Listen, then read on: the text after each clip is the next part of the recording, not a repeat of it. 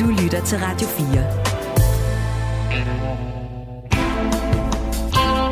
Velkommen til eksperimentet på midten.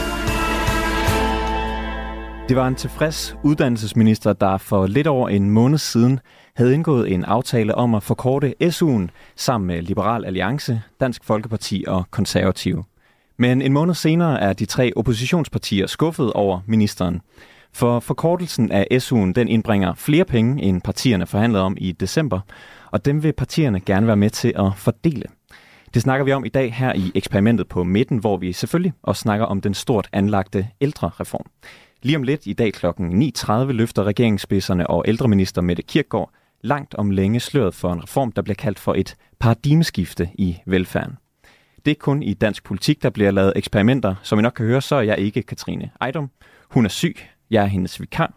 Mit navn det er August Stenbrun. Velkommen til. Du lytter til eksperimentet på midten på Radio 4. Ugens panel udgøres som altid af tre personer, der selv tidligere har erfaring med at tage ansvar i et regeringsparti. Velkommen til jer alle tre. Martin Gertsen, tidligere ordfører i Venstre, blandt andet for Sundhed. Uffe Elbæk, forhenværende radikal kulturminister og stifter af Alternativet, og Sune Steffen Hansen, tidligere rådgiver i Socialdemokratiet under Torning-regeringen, nu partner i Rød Pedersen Public Affairs. Tak fordi I har lyst til at være her. Tak skal du have. Tak. Og især tak, fordi uh, I har været med, modsat mig, i, i programmet før, så jeg er virkelig glad for, at, at I står her og hjælp, kan hjælpe mig igennem uh, programmet. Om lidt, der skal vi tale om uh, nogle af de ting, som midterregeringen jo er sat i verden for, altså reformer. Det er jo hele grunden til, at de overhovedet øh, har lyst til at eksistere. Vi skal både tale om ældrereform, vi skal tale om SU-reform.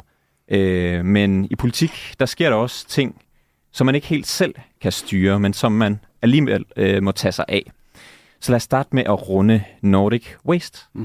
øh, for det er jo ikke længe siden, at vi hørte Miljøminister Magnus Heunicke og Justitsminister Peter Hummelgaard skælde rigmanden Torben Østergaard Nielsen ud på et øh, presmøde. Det er ham, der er ejeren af, af Nordic Waste. Jeg synes, det vil være det rigtige at gøre, hvis det er, at folk fra ejerkredsen de stiller sig frem, svarer på de spørgsmål, som I har blandt andet, svarer på de spørgsmål, som vi og andre politikere også har på Christiansborg, i stedet for at gemme sig bag deres store formuer og flotte biler.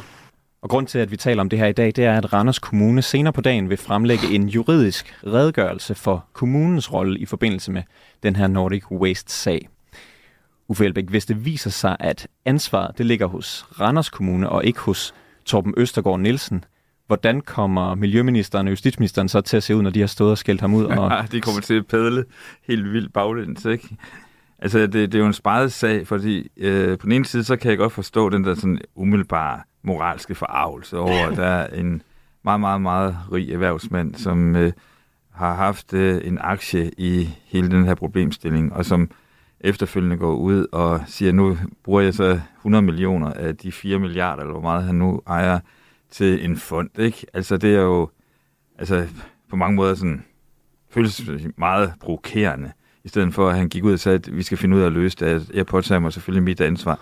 Men der er et kæmpe men i det her, fordi at øh, altså, der er jo en lovgivning, øh, og der er nogle regler, og, og der er også regler og love for erhvervslivet. Øh, og det synes jeg, at man skal være meget bevidst om, altså at man ikke øh, begynder at køre sådan en eller anden øh, personlig moralsk hits, øh, øh, fordi han har så mange penge. Altså det må være et spørgsmål om, hvem har ansvaret, hvilke regler er der blevet brudt, og så må der placeres et, øh, placeres et ansvar. Og det har jo i høj grad været øh, ministre fra Socialdemokratiet, der har været ude med riven efter uh, Torben Østergaard Nielsen. Martin Gertsen, du har siddet uh, i Venstre. Hvorfor hører vi ikke noget fra dem i den her sag? Jeg tror, man har siddet under det der pressemøde forrige fredag, altså hvor Hummelgaard og Højneke var i fuld dressur ja. derude af med sådan en altså klassisk socialdemokratisk fane, der var hævet et godt stykke op over jorden. Der tror jeg, man har siddet og bidt sig selv i, øh, i læben i, øh, i Venstre. Ikke mindst fordi, at måske især Hummelgaard er ude og indikere, at man rent faktisk vil lave om på øh, forskellige typer af lovgivning, sådan, så man i højere grad kan gøre ejere, altså også passive ejere af en virksomhed, mm. ansvarlige for det, der foregår øh, i øh, virksomheden. Og det vil være øh, temmelig kritisk i forhold til investeringsløst øh, og andet i det her samfund. Så jeg tror, man har siddet og bidt sig lidt i underlæben. Sune, øh, vi har en øh, mand, der ejer i omegn af 42 milliarder kroner, der er... Øh, fire. Det, det, var, det var tæt nok på, til at jeg ikke gad ret dig, Uffe. det gør ingen forskel. det gør ikke mange penge. Øh, 42 milliarder kroner ejer, ejer Torben Østergaard Nielsen. Han øh, har muligvis øh, et, et ansvar i den her øh, sag. Er det guf for en øh, socialdemokrat at, at have sådan en syndebuk? Ja, altså, det kan jo godt være, hvis, hvis nu det kommer, undersøgelsen kommer frem til, at Randers Kommune har et større ansvar end, end tidligere antaget, at, at nogle af de her minister kommer til at padle lidt, når de snakker med journalister som dig. Men sådan i det, i det store billede, så kan man sige, nu er jeg sådan en, der kører rigtig mange meningsmålinger og sådan noget. Hvis jeg smed et måling ud øh, i den offentligheden og spurgte til, om, om det her var fair eller ej, så vil jeg tro, at 80-90 procent af den danske befolkning vil sige, ja, straf ham. Fordi regler øh, og jura er til at blive bøjet af jurister, og det kan man købe sig ud af. Det er sådan en opfattelse blandt rigtig mange grupper, og i særdeleshed blandt de grupper, som stemmer på Socialdemokratiet, som er folk uden for arbejdsmarkedet, eller lavindkomstgrupper, som øh, selv, og det ved vi også fra studiet, de vælger grupper, som føler, at de arbejder enormt hårdt, men måske ikke får så meget ud af det. Sådan nogle grupper, de bliver enormt forarvet, når de ser sådan nogle historier. Så på den måde, så passer den som fod i hose til en klassisk socialdemokrat fortælling, og dem er der jo ikke mange af for tiden. Så hvis du stadigvæk var rådgiver i, i Socialdemokratiet, så har du sagt til Hummelgaard, ud med det pressemøde og fordøm den mand? Ja, altså nu, jeg kender jo ikke grundlaget, så men sådan baseret på det, den viden, jeg har, så vil jeg tænke, denne her sag, den, den, den ser ikke dårlig ud. Vi mangler et eller andet, og det virker jo også sådan, som om man i regeringen har lavet en arbejdsdeling, hvor netop Socialdemokratiet får lov til at gå ud med den her historie. Så man kan sige, at den er god, hvis man ser på profilen af de vælgere, man gerne vil kommunikere til, så vil jeg sige, at sådan en historie vil fungere over for dem.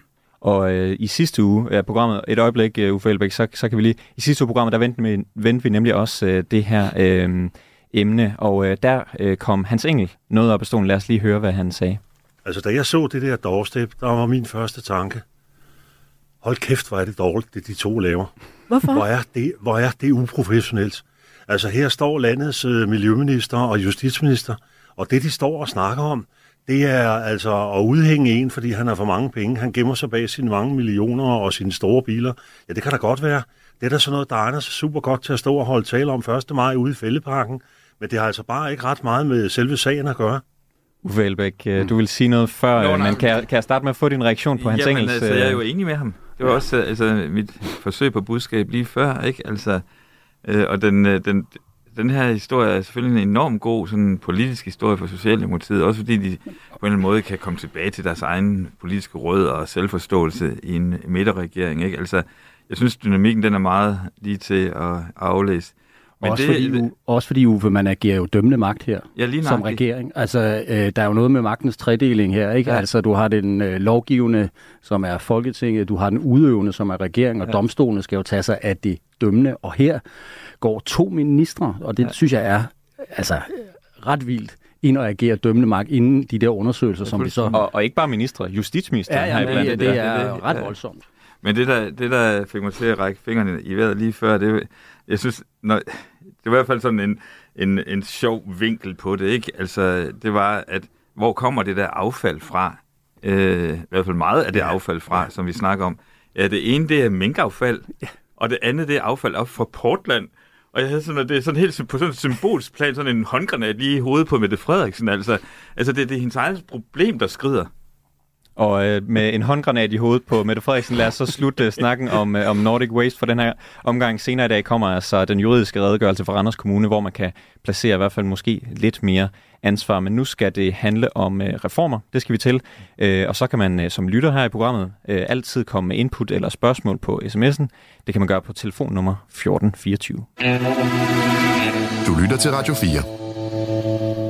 Vi skal tilbage til december, hvor regeringen blev enige med Dansk Folkeparti, Liberal Alliance og Konservativ om at forkorte SU-perioden med et år.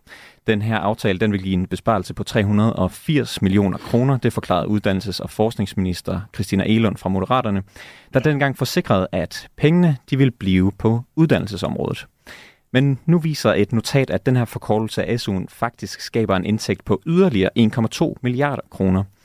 Men de penge, de skal ikke gå til uddannelsesområdet. De skal bruges til at lave regeringens 2030-plan, som blandt andet indeholder skattelettelser og penge til Ukraine. Øhm, og det er man ikke tilfreds med hos de her tre partier, der indgik øh, aftalen om SU-reform. Øh, DF mener, at der er blevet tilbageholdt væsentlige opløsninger i forhandlingsforløbet, og til politikken der fortæller DF's uddannelsesordfører Alex Arnsen, at det både er nyt, at SU-reformen øh, giver så mange penge, og at de skal bruges til at finansiere 2030-planen. Det stod på ingen måde klart under forhandlingerne, siger han. Øh, Martin Gertsen, er det normalt, når man forhandler aftaler, at der så kommer ny viden til senere? Øh, ja, det kan man ikke udelukke. Altså, at der øh, fra tid til anden øh, gør, at der lige pludselig et eller andet, også når ting kommer ud at virke, eller eller der kan være interesseorganisationer, som byder ind med, med, med alternative øh, beregninger, at der så kan komme ny viden til. Jeg synes, det er lidt interessant, den her diskussion, fordi de 380 millioner er, som jeg forstår det, rene regulære besparelser på statsfinanserne. Øh, hvor de der, hvad, 1,2, 1,5 milliarder, eller hvor meget det var, øh, det er jo dynamiske effekter. Altså det vil sige, det er en forventning om, hvad det er, øh, man vil få af øgede indtægter, fordi folk kommer, altså de studerende kommer hurtigere i beskæftigelse. Netop. Øh, så vidt som jeg forstår det, så øh, vi kan lige lade en ja. form for teknisk gennemgang, ja, som, øh, som jeg lige har fundet en faktaboks i, i en artikel ja. på internettet. Øh, de 380 millioner, det er det, man kalder direkte ja. proveny. Ja. Altså den direkte besparelse er, at man udbetaler færre penge i ja. SU, og de 1,2 ja. milliarder, det er så det indirekte proveny, altså netop som du sagde, flere studerende bliver færdige hurtigere, kommer ud øh, på arbejdsmarkedet og betaler skat, det er jo så, hvad kan man sige, en forventning. Det er ja. ikke noget, man ved er præcis bliver, bliver det tal, som jeg forstår det. Det kan lyde lidt teknisk, når en radiovært skal forklare ja, ja. det, men, men for politikere og rådgivere som jeg, så er det vel ikke raketvidenskab, det er vel noget, der sker hele tiden, når man Jamen, laver det hver gang, der bliver, det kan du vel også bekræfte, hver gang der bliver lavet for de der reformer, arbejdsmarkedsreformer og sådan noget, så har man jo de der forventningsberegninger til, hvad det er, man regner med, der kommer i statskassen. Jeg synes, det er sådan lidt dobbelt i det her. Selvfølgelig kunne det have været rart for, for oppositionspartierne at få de der beregninger lagt frem. På den anden side set, altså så kunne man jo også have spurgt. Altså, hvad er det samlede proveny, hvis vi både regner øh, besparelser og forventet ekstra proveny ind? Hvad vil det her så samlet set give?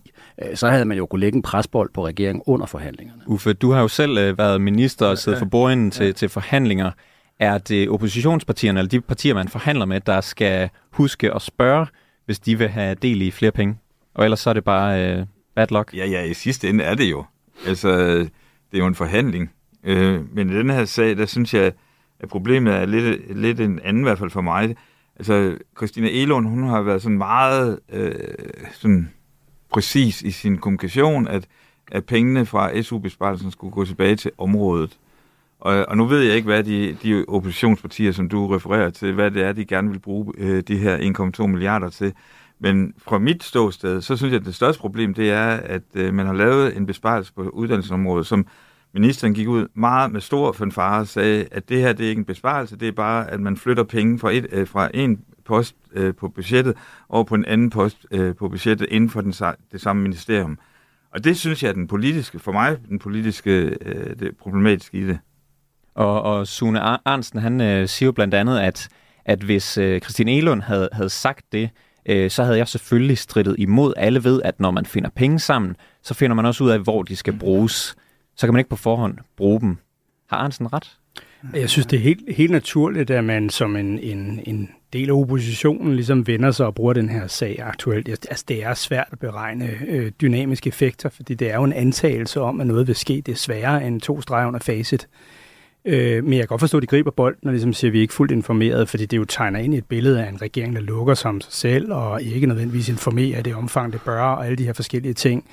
Øh, så, så hvis jeg sad som oppositionspolitiker, ville jeg også angribe det, men, men jeg synes i praksis, det kan være lidt svært at have med at gøre. Selvfølgelig vil jeg dog sige, så ikke sådan en, en hvad kan man sige, en samarbejdsånd, så bør man jo selvfølgelig øh, informere omkring alle de beregninger, man har, både utilsigtede eller dynamiske effekter, undskyld, øh, og også direkte udgifter. Og, og Arnsen, han, han henviser så til den her regel med, at man dem, der finder pengene sammen, får lov til at bruge dem sammen, så at sige. Dem, der sparer op til ferien, får lov til at bestemme, hvor man, hvor man tager hen. Men der er jo ikke fundet penge. Øh, du siger, de har ikke fundet penge, Martin? Der er jo ikke fundet flere. Altså, de 380 millioner, der, øh, altså det, apropos det Uffe siger, hvis ministeren har været ude at sige, ja.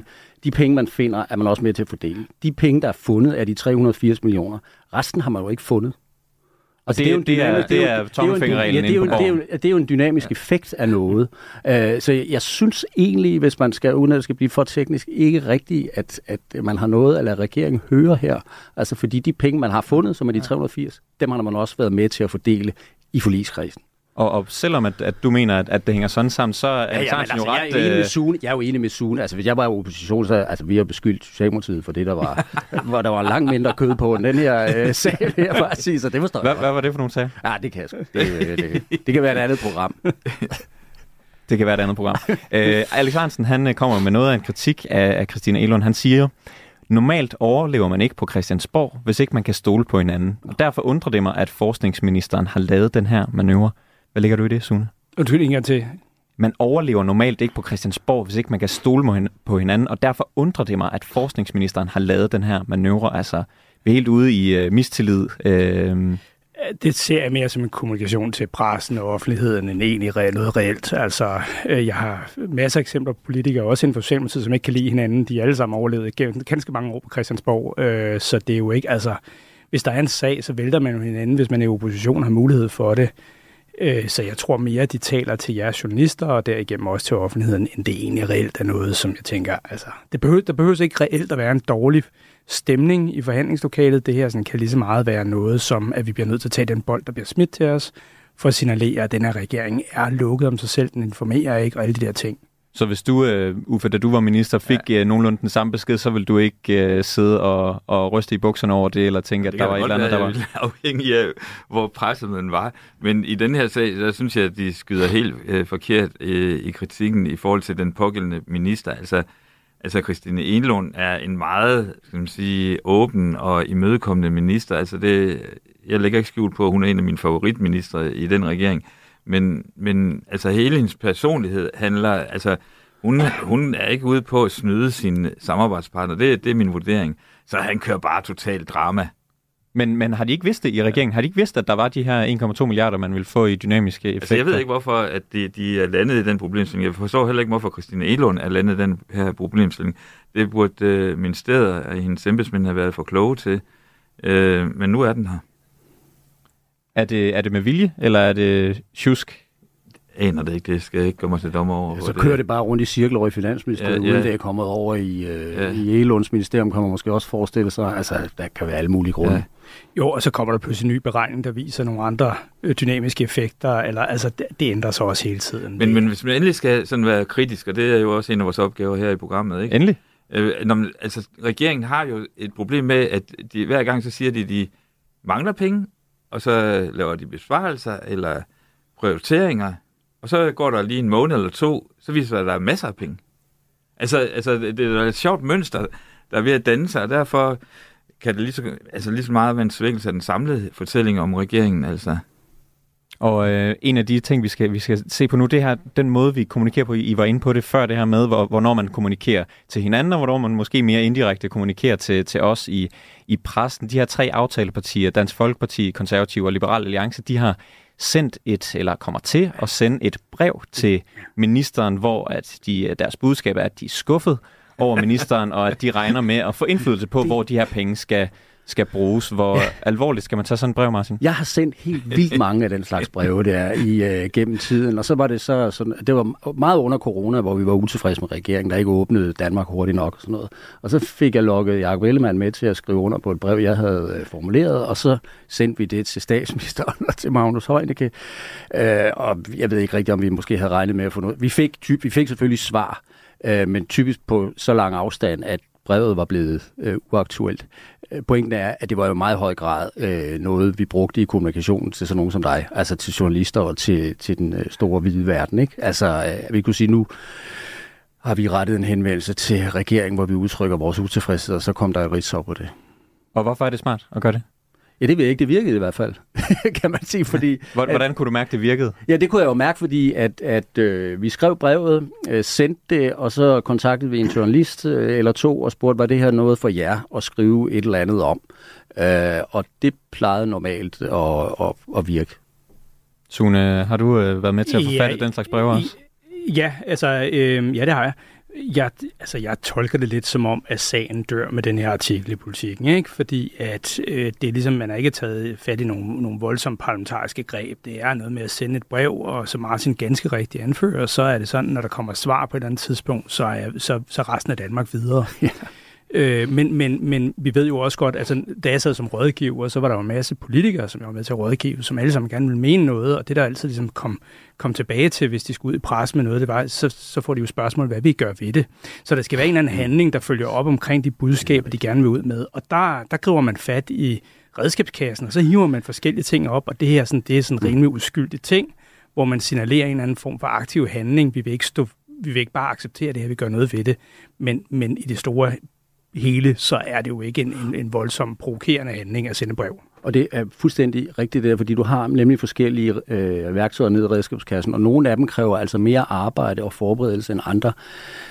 Øh, nogle gange, hvis det var sådan, at man synes, det var lidt for voldsomt med et samråd, så kunne man lave, bede om en redegørelse, hvilket i virkeligheden bare handlede om at få et par, at ministeren skulle svare på et paragraf 20 eller et øh, udvalgsspørgsmål. Øh, så kan der være det der med at sende et brev. Så du har sådan forskellige øh, redskaber nede i værktøjskassen, og, og, og, og, og nogle af dem kræver altså mere arbejde end andre. Så betyder det, at når, fremover, når man læser i, øh, i, i medierne, at der er blevet sendt et brev fra en politiker til en anden, så er det sandsynligvis ligegyldigt, at hvem, hvem der afsender og modtager, bare at man selv får det, får det læst, øh, altså at det er medierne, der får det? Ja, det er i hvert fald Undskyld. Ja, ja, nej, altså jeg vil sige, at i rigtig mange tilfælde, så vil jeg nok betragte sagen som værende, nu accepterer begge parter, at den mm. ligesom efter den her udtalelse ligger, ligger død, ikke? medmindre nye informationer kommer op. Sådan vil jeg tolke det i 80 procent af tilfælde. Uffe, har du uh, modtaget nogle af de her skuffede breve fra ja, uh, folketingspolitikere? Ja, ja, det tror jeg, det er alle uh, ministre selvfølgelig.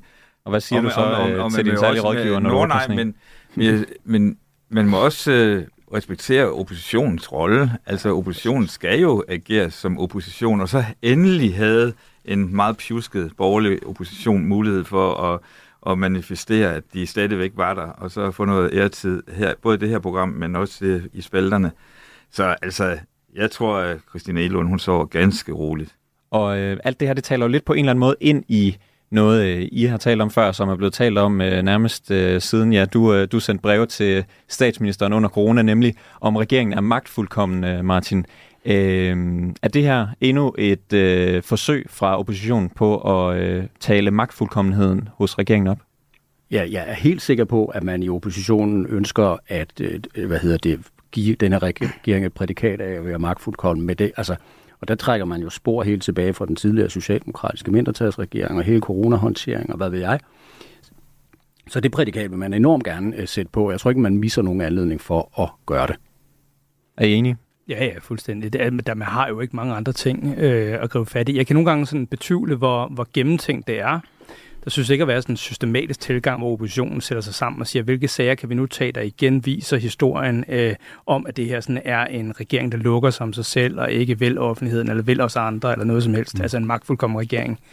Øh, men når det er sagt, så hver gang der kommer en historie, lander hos dem, og det her det er sikkert en journalist, der henvender sig fra politikken til, til de her partier, så svarer de på det, jamen, så bruger de så den anledning, der er til også ligesom at tegne det her billede. Og det, det er også det, det er der, de står bedst. Altså igen, nu er jeg jo sådan en, en, en dem, som kører mange målinger. Jeg bruger også tiden på at kigge rigtig meget på vælgerne holdning til forskellige spørgsmål, inklusive regeringen, og det er jo meget ofte de ting, vi kan gribe fat i, hvor vælgerne synes, okay, den her regering, den er altså lidt magtfuldkommen, den gider ikke rigtig at høre andre end sig selv.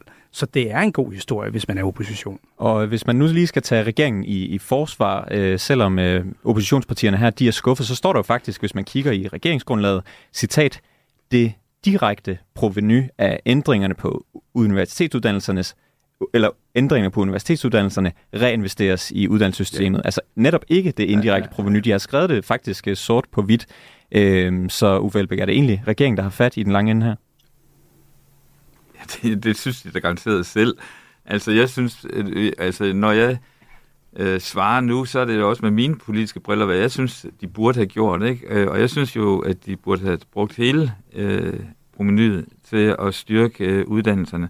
Og det vil også have styrket deres sådan hele fortælling omkring, at de gerne vil løfte bunden. Og, altså de der 1,2 milliarder, det kunne man gøre rigtig meget øh, med på erhvervsskolerne og ungdomsuddannelserne og, og andre gode initiativer. Så, så jeg synes jo, det, men det er min politiske holdning. Det er min politiske holdning. Og øh, Martin, en, en sidste kommentar. Altså, synes du, at øh, det er aftalepartierne, der har sovet i timen her? Ja, man kunne starte med at have læst regeringsgrundlaget, altså jævnfør det, du lige øh, læser op. Jeg synes, at regeringen har fat i den lange ende her. Okay. Efter nyhederne, der gør vi klar til at se på, hvor SVM-samarbejdet har hivet en, eller har givet god mening øh, i løbet af den seneste uges tid, der når vi kaster os over befrielsens øjeblik. Vi skal også se på regeringens ældreudspil, der bliver præsenteret om et minut, så vidt øh, jeg er orienteret. Jeg er meget spændt på, hvad vi skal tale om efter nyhederne her, fordi der kan ske alt muligt til pressemødet lige om lidt. Måske de har givet øh, indtryk af, hvad der kommer til at ske øh, allerede. Alt sammen bliver i det samme gode selskab, som vi er lige nu, Martin Gertsen, Sune Steffen Hansen og Uffe Elbæk. Men øh, om 5 sekunder, der er der nyheder, og øh, så skal jeg vel ikke sige mere.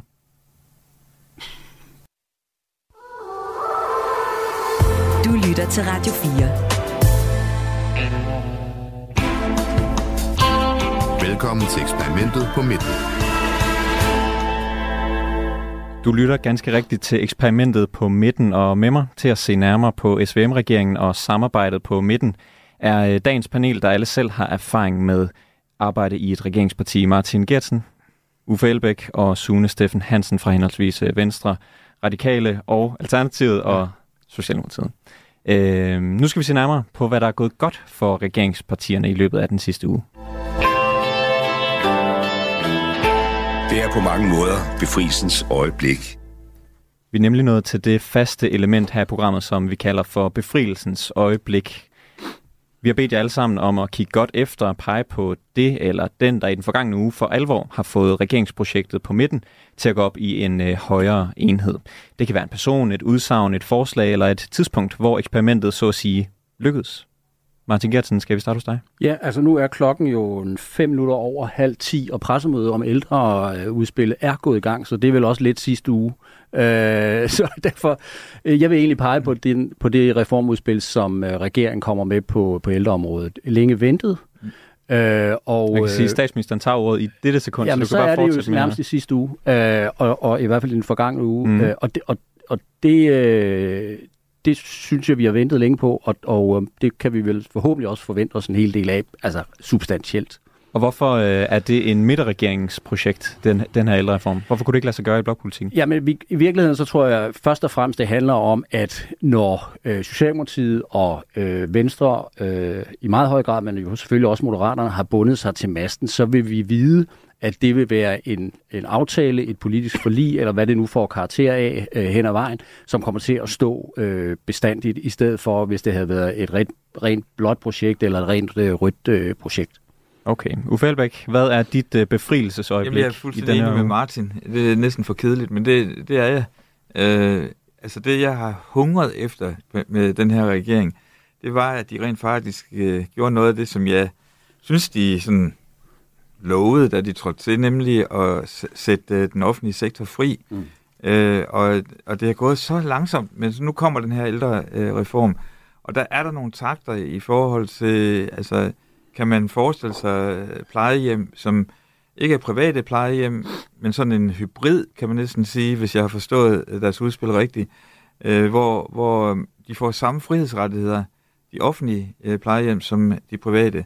Øh, og det synes jeg lyder rigtig, rigtig lovende, og det var noget af det, som jeg, hvis man skulle sige noget pænt om, om det, den nuværende regering, så var det i hvert fald det. Og kunne det ikke være sket med en øh, rød regering, det her? I, det tror jeg faktisk ikke. Øh, øh, og det vil heller ikke blive modtaget af offentligheden på samme måde, som øh, det gør nu, fordi hvis det havde været Venstre, en venstreledet regering, der havde sagt, nu, øh, nu laver vi en anden måde at organisere hele ældreplejen på, så vil alle i rød blok sige, det, det er privatisering af, mm. af, af bagdøren, ikke? Øh, og, og jeg kan slet ikke forestille mig, at Socialdemokratiet er gået ud med det, fordi at de har hele den tradition, som de nu engang har, øh, med nærmest mere offentlig sektor, jo bedre, ikke? Øh, jeg ved godt, at det er en lidt en, en uh, stramning, men, men det er ikke helt forkert to gange ældre reform, Sune Steffen Hansen. Er du øh, enig, eller har du et andet befrielsesøjeblik med i dag? Mm, så tager jeg et andet befrielsesøjeblik, bare for at nuancere debatten lidt.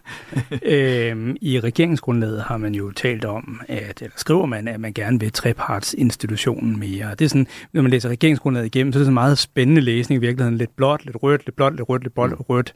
Sådan et samsurium på en eller anden måde. Og en af de ting, der finder vej ind, det er sådan typisk en fagbevægelses tankegang, som Socialdemokratiet har fået ind omkring treparter altså hvor arbejdsmarkedet mødes og finder en aftale, som øh, man parlamentarisk kan stå inden for, øh, og som øh, dem, der er øh, aktører på arbejdsmarkedet, også kan. Og det er jo sådan den danske konsensusånd, vi finder fælles løsninger. Det har man overført til nu også at gælde på andre områder, og i sidste uge havde man for første gang en møde, det der hedder Grøn Trepart, altså hvor at regeringen har nedsat et udvalg, og der kommer sådan noget omkring CO2-afgift på landbruget, og det hele drejer sig om, hvordan landbruget kan omstilles til at gå hånd i hånd med den grønne, grønne dagsorden. Og der har man nu nedsat det her sådan grønne trepart, hvor man både har nogen fra arbejds- eller hvad hedder det, virksomhedernes side inde, og lønmodtagernes side, og så en række grønne, grønne organisationer inde. Og der skal man sammen finde nogle løsninger frem til juni måned. Og det startede sidste uge, og det synes jeg er interessant, fordi hvis der er noget, den her midterregering jo skal, som en del af sin historie, så er det det her med at brede fortællingen ud om, at vi kan godt finde løsninger, vi kan godt være pragmatiske, og vi kan også godt lytte til andre.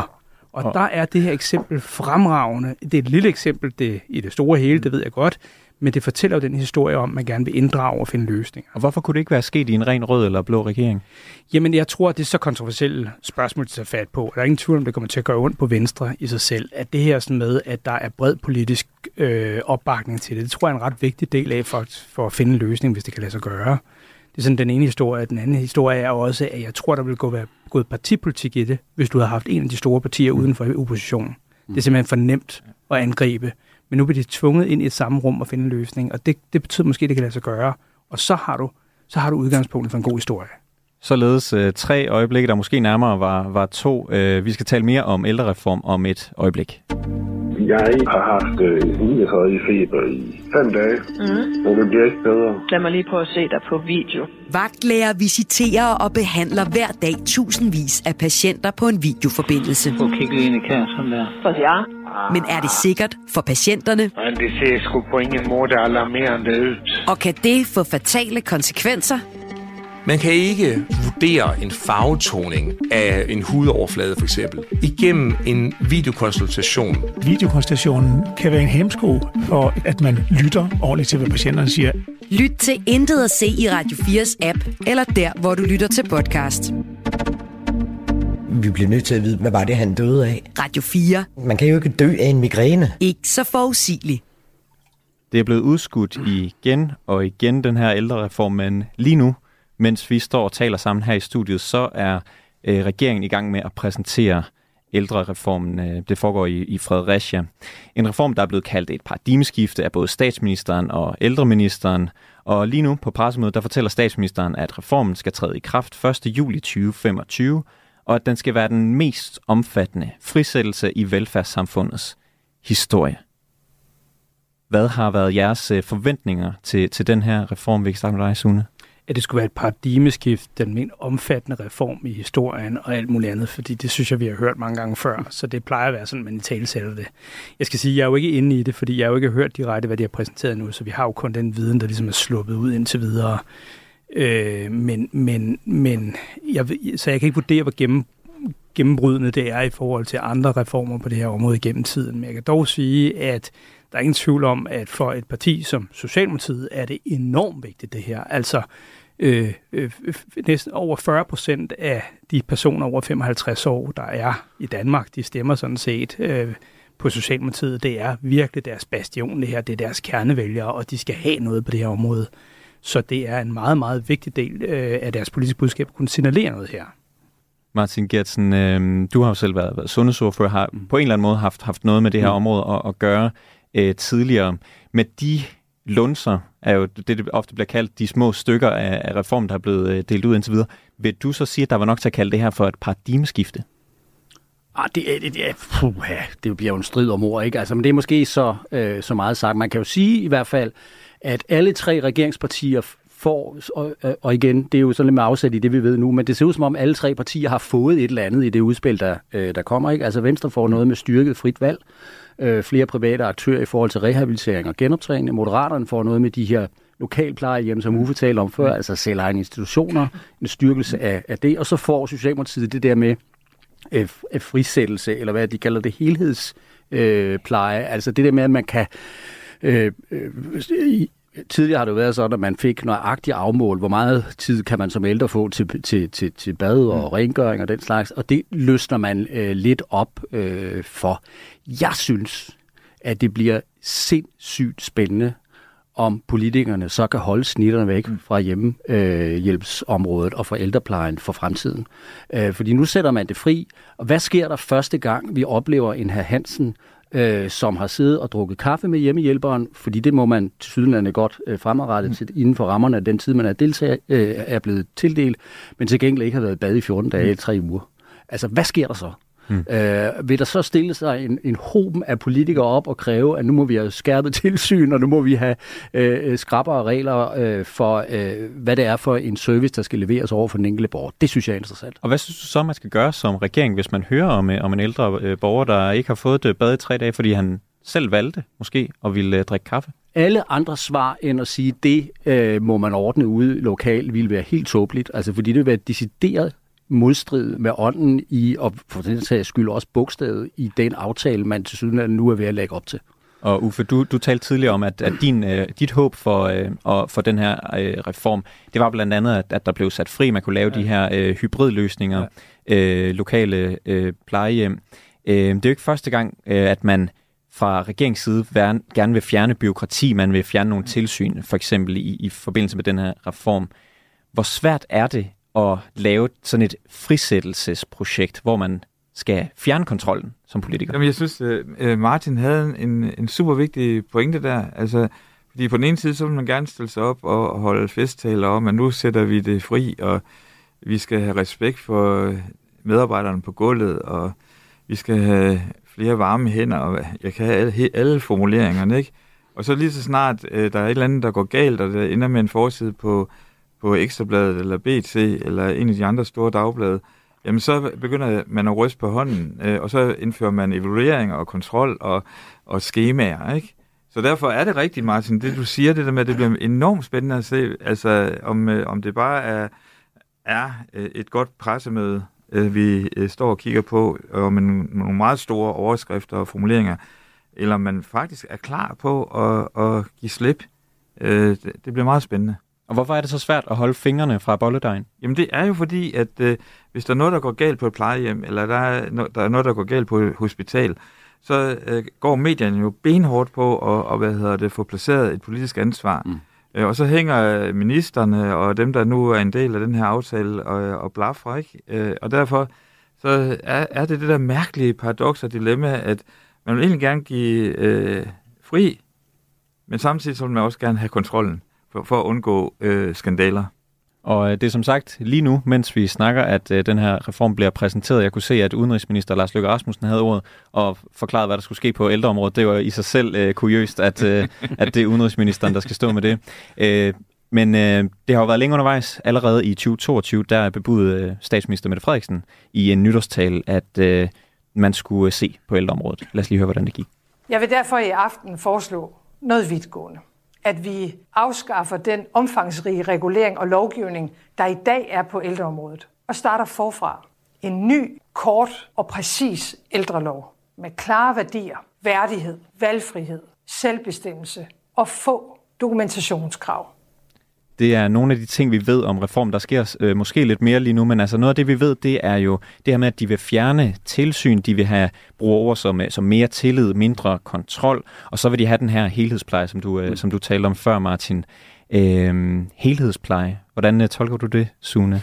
Jo, det, Uh, det, det, det ved jeg simpelthen ikke. det var godt, det var dig, der fik ja, jeg skulle til at sige, thanks. Nej.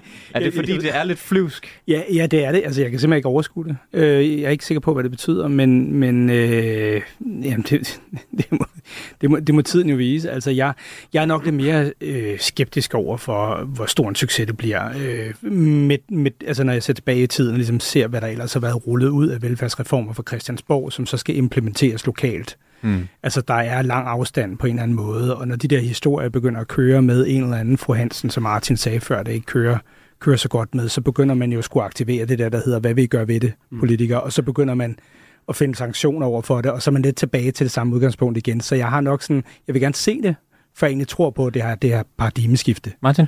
Det, altså, som jeg forstår det og har læst mig til, så handler det jo dybest set om, at hvis du har en øh, tre kvarter til en borger om ugen, så i tidligere så var det sådan, at så var der 12 minutter afsat til rengøring, og så var der 11 minutter afsat til at øh, rydde op, så var der til, til et eller andet antal minutter afsat til at, at, at, at, at, at bade den, den ældre, eller hjælpe med, med det. Nu får man 45 minutter i sådan en eller anden blok, og så må man ligesom mellem den enkelte ansatte og øh, den enkelte ældre aftale, hvad skal de der 45 minutter, eller hvad det nu måtte være, så gå øh, til. Jeg synes og, og der kan jeg så forstå, at det er jo meget op til en faglig vurdering af den enkelte hjemmehjælper at finde ud af, hvad er det egentlig, der er behov for ude hos den enkelte, øh, ældre, og så tage en dialog øh, om det. Jeg synes, der er rigtig, rigtig mange spørgsmål, der melder sig i det her. Nu læste jeg personalpolitisk redegørelse fra Københavns Kommune her for noget tid siden, og kan se, der er jo et kæmpe flow af mennesker igennem øh, den københavnske øh, ældrepleje i løbet af året. Øh, det er meget unge mennesker, øh, studerende og sådan noget. Skal man, skal man lægge ansvar ud til dem om at tage en dialog med ældre mennesker om, hvad er det, der egentlig er behov for ude hos den enkelte ældre? Altså, jeg, jeg, jeg, kan, jeg kan bare se en masse konflikter. Jeg må bare lige en ting ja. til. Jeg kan se, at man også vil eliminere det, der hedder kvalitetsstandarder, altså at der er ensartethed ude i kommunerne. Det man ved at indføre på den del af sundhedsområdet, øh, der skal ligge ude i kommunerne, nu ophæver man det på ældreområdet. Det betyder, at man også kommer til at mærke en højere grad af uensartethed mellem kommunale serviceniveauer på tværs af landet. Altså, jeg kan, se en masse til, jeg kan se en masse TV2-dokumentarer, der kommer til at vælte derud af, som handler om, at man kan få et serviceniveau i X-Købing og et andet serviceniveau i Y-Købing. Så der ligger rigtig, rigtig mange spændende ting her. Og alle havde hænderne op mm. i studiet lige før. Uffe, skal vi ikke? Nej, nej, altså, grunden til, at jeg lige markerede det, er fordi, at den øh, pointe, du har, Martin, med, at der er en stor gennemstrømning af medarbejdere i øh, plejesektoren, øh, kan måske også skyldes, at det er overreguleret det og overdokumenteret. Yes. Altså i det øjeblik, at man, man uh, giver, giver det fri og giver ansvaret ud til dem, som rent faktisk uh, står i mødet mellem uh, det offentlige og den ældre, at det, det kan give en fornyet arbejdsglæde. Og, og det kunne jeg godt unde uh, hele området, at uh, at øh, de fik den der fornemmelse af øh, ejerskab, og at øh, det her giver større mening for mig, fordi at jeg selv får lov til at vurdere, hvad der er rigtigt at gøre i den pågældende situation. Det ændrer sig ikke ved alt det, du også sagde, Martin, at, at øh, det her kan ende i så mange forsider. Og, og nu skal vi bare lige tage en sidste kommentar på det her med, med tilsyn. Altså dem vil de jo gerne fjerne øh, rigtig mange af og konsolidere dem, så der kun bliver nogle få, øh, måske et enkelt endda mm. om året. Men hvem er det, der har indført den? Er det ikke øh, blandt andet jer, der står her? Er det ikke politikere, der har indført et det ene tilsyn efter det andet? Jo, altså formentlig har det enten været landspolitikere, som ja. har fået en eller anden øh, mikrofon øh, stukket op i øh, næsen, og så blevet spurgt, hvad havde du tænkt dig at gøre ved den eks-skandale her, så må vi have et skærpet tilsyn, og så har man lagt endnu et lag på, eller også er det kommunerne selv. Så det regeringen har gang i lige nu, det er på en måde og rydde op ja, efter sig selv. Ja, ja, ja. ja, ja men det er jo ikke noget nyt, jo. hvis, jeg må, hvis jeg bare lige må give et andet perspektiv. Altså, vi går tilbage til 90'erne, hvor man begynder at rulle en tankesæt ud, der hedder New Public Management, som går ud på, kan vi effektivisere måden, vi gør det på? Den her offentlige sektor, den suger en masse ressourcer ud af, skal vi gøre det bedre? Altså få mere ud af det for de samme penge. Og der, der indfører man kontrolregimer og tilsyn og alt muligt andet, simpelthen for at sikre sig, at det går nogenlunde, at pengene bliver brugt bedst muligt. og det er det, man den bølge er ligesom slut i de her år, og nu begynder man at rulle det tilbage og sige, at det er også blevet for voldsomt. Det, det perspektiv, jeg kan være nervøs på, og nu griber jeg lidt tilbage til noget, det Martin også var inde på, det er den der helhedsplan, hvis man siger, kan de, kan de ældre selv disponere over deres tid? Altså hvis de vil have en kop kaffe, øh, det er jo fint nok, fordi de har brug for menneskelig omsorg, det, det, det viser alt. Men hvis der så er nogle pårørende, der kommer og siger, at de basale hygiejneforhold er altså ikke, som vi forventer, så har man jo clash om, hvad er det så for nogle behov, der bliver tilfredsstillet inden for den tid, der er disponibel. Og det kan jeg godt se kunne ende i nogle problemer. Regeringen her vil gerne øh, brande den her øh, reform som et paradigmeskifte, men mm-hmm. hvis jeg lige sammen med jer kan spole tiden 10 år frem, tror I så, at den her ældre reform, den vil være noget, som regeringen, eller det her eksperiment på midten, som vi jo godt kan lide at kalde det, vil blive særligt husket for? Er det et prestigeprojekt, en af de der stjerner på skuldrene, de tager med sig øh, overalt? Altså, man kan jo håbe på, at det her det er starten på en øh, meget mere omgribende øh, frisættelse af den offentlige sektor.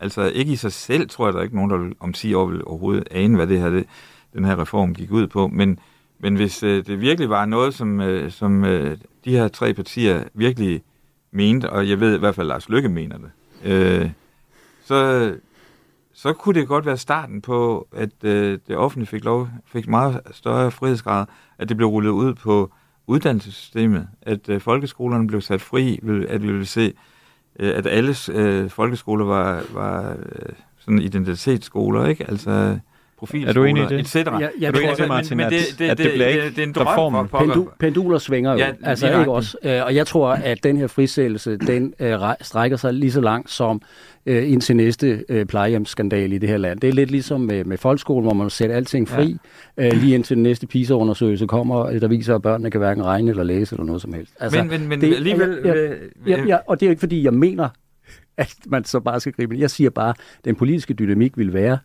at man siger, at nu bliver vi nødt til at gribe ind og Men- gøre noget og sætte men- nogle retningslinjer op. Så men, det men, det, men det, det er bare, jeg synes, at det Sune sagde, at øh, altså, hvad vi så i 90'erne og videre frem med New Public Management, som øh, lød rigtigt, at vi skal effektivisere, men dybest set var det jo en spareopgave, og det i hvert fald fik konsekvenser, at, at både skattevæsenet og forsvaret står og er meget, meget, meget øh, øh, skal man sige, skrøbelige lige for øjeblikket. Ikke? Og det var jo en konsekvens af, af den tænkning, og derfor tror jeg altså godt, der kan komme et, et årti eller to, øh, eller to årtier, hvor der kommer en helt anden øh, tilgang til det. Det håber jeg i hvert fald. Lad os uh, sige, det var det sidste ord om ældrereformen uh, i den her omgang. Man kan jo uh, gå ind og følge med på pressemødet. Det er stadigvæk i gang, hvis man synes, det er virkelig spændende, men vi skal videre til ugens bastard. Det er jo en bastardregering.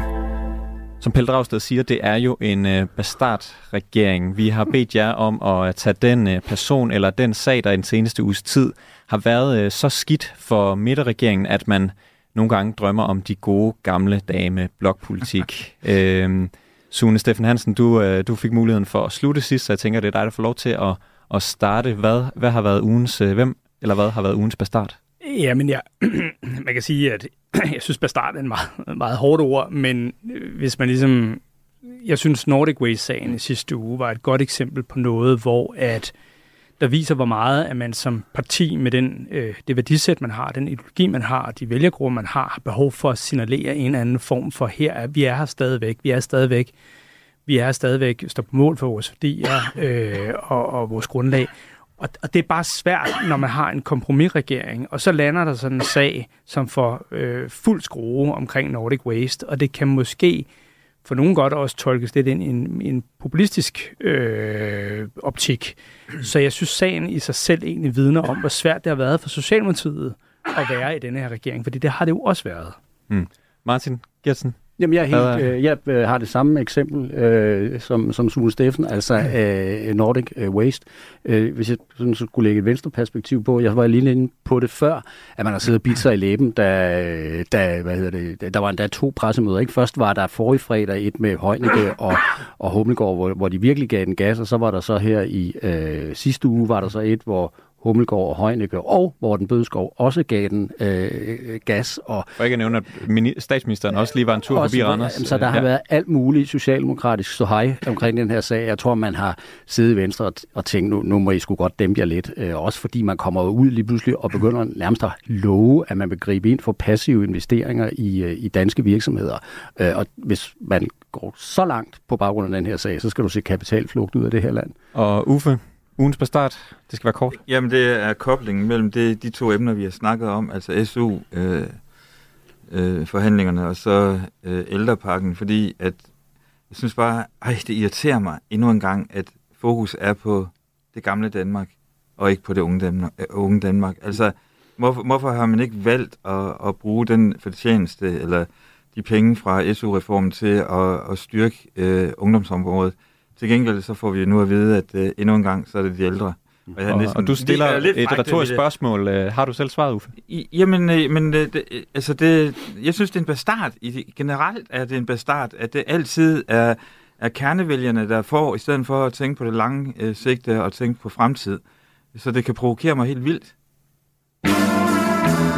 Radio 4. Ikke så forudsigeligt. Vi binder altid en sløjfe på det her program med lige at øh, se på, hvilket af de tre partier, der har klaret sig bedst i øh, den uge, der er gået. Øhm, vi kan begynde med stillingen fra, øh, fra de små tre uger, der er gået indtil nu. Øh, Socialdemokratiet, de er langt foran. Alle de andre Socialdemokratiet har 10 point. 2 point har Venstre, og 0 point har Moderaterne indtil nu i, øh, i det her øh, program i, i år. Martin Gertsen, hvem skal have dit point? Øh, Og jeg håber, du vil starte med en af de andre, fordi så kunne jeg ligesom udligne til sidst. Man skal, man skal bare øh, vælge dem, man bedst kan lide. Man skal ikke øh, være fedtspiller her. Jeg, Jeg, jeg, jeg har faktisk stødt på en artikel, jeg aldrig nogensinde troede, jeg skulle læse om Troels Lund Poulsen, nemlig en artikel, hvor han sådan åbner sig selv øh, lidt i Berlingske Tidene her for øh, nogle dage ja. siden, øh, hvor han giver meget af sig selv og, og, og, og giver udtryk for, hvilke bekymringer han har som, som menneske og politiker og som leder for øh, Venstre. Øh, det synes jeg er lidt epokegørende, så min den falder til Venstre. Så Martin Gertsen, tidligere Ja, ja, ja. Ja, ja, ja, ja, ja, ordfører for Venstre, giver et point til Venstre. Yes, yes, Sune Steffen Hansen, ja. du, har, du har tidligere rådgivet øh, Socialdemokratiet. Hvem skal have pointet i denne uge? Jamen, det bliver faktisk Socialdemokratiet, og det gør det sådan set, øh, fordi jeg synes, i den sidste uge, der har vinden blæst i deres retning. Der har været optakt til ældreudspil. Det er lige præcis en, en, en, øh, en appelsin turbanen til dem. Der har været Nordic Waste, som, som jo øh, vi kan have alle mulige perspektiver på, men jo også taler godt ind i en socialdemokratisk politisk optik. Øh, Så jeg synes, det blæser deres retning her, og vi kan også se i målingerne, at det begynder at gå lidt den anden vej. De har været helt nede at dykke, så det bliver, det bliver Socialdemokratiet denne omgang. Så et øh, point fra Venstre til Venstre, et point fra Socialdemokratiet se- til Socialdemokratiet. Du kan ikke give nogen point Nej, til dine nej, øh, gamle nej, partier, vi- vi bagland. Uffe. Ja, ja, ja, Præcis. Øh, så gerne hvem skal have det point? Nej, nej, hvad hedder det? jeg, jeg synes, Moderaterne skal have det. Øh, og det er ikke for noget specifikt, men mere principielt, nemlig at jeg ved, at Lars Løkke synes, at det med at frisætte den offentlige sektor er, er fuldstændig afgørende for dem, og det synes jeg, det er det, der er signalet i dag. Så jeg, jeg giver det til Moderaterne. Yes, og det var alt for dagens program. Der er uh, tusind tak til jer, Martin Gertsen, Stune Sune Steffen Hansen og Uffe Elbæk. Der er meget mere politik her på kanalen hver eneste dag i den politiske time mellem 9 og 10. Du kan selvfølgelig også finde alle andre udgaver af eksperimentet på midten som podcast, der hvor du lytter til den slags. Senere på dagen, der kan du høre eftermiddagsprogrammet Hovedet og Halen med Mette Vibe Utzon. Det er et rigtig godt program. Det laver jeg nemlig en gang imellem. Jeg hedder August Stenbrun. Vi lyttes ved. Du har lyttet til en podcast fra Radio 4. Find flere episoder i vores app, eller der, hvor du lytter til podcast. Radio 4. Ikke så forudsigeligt.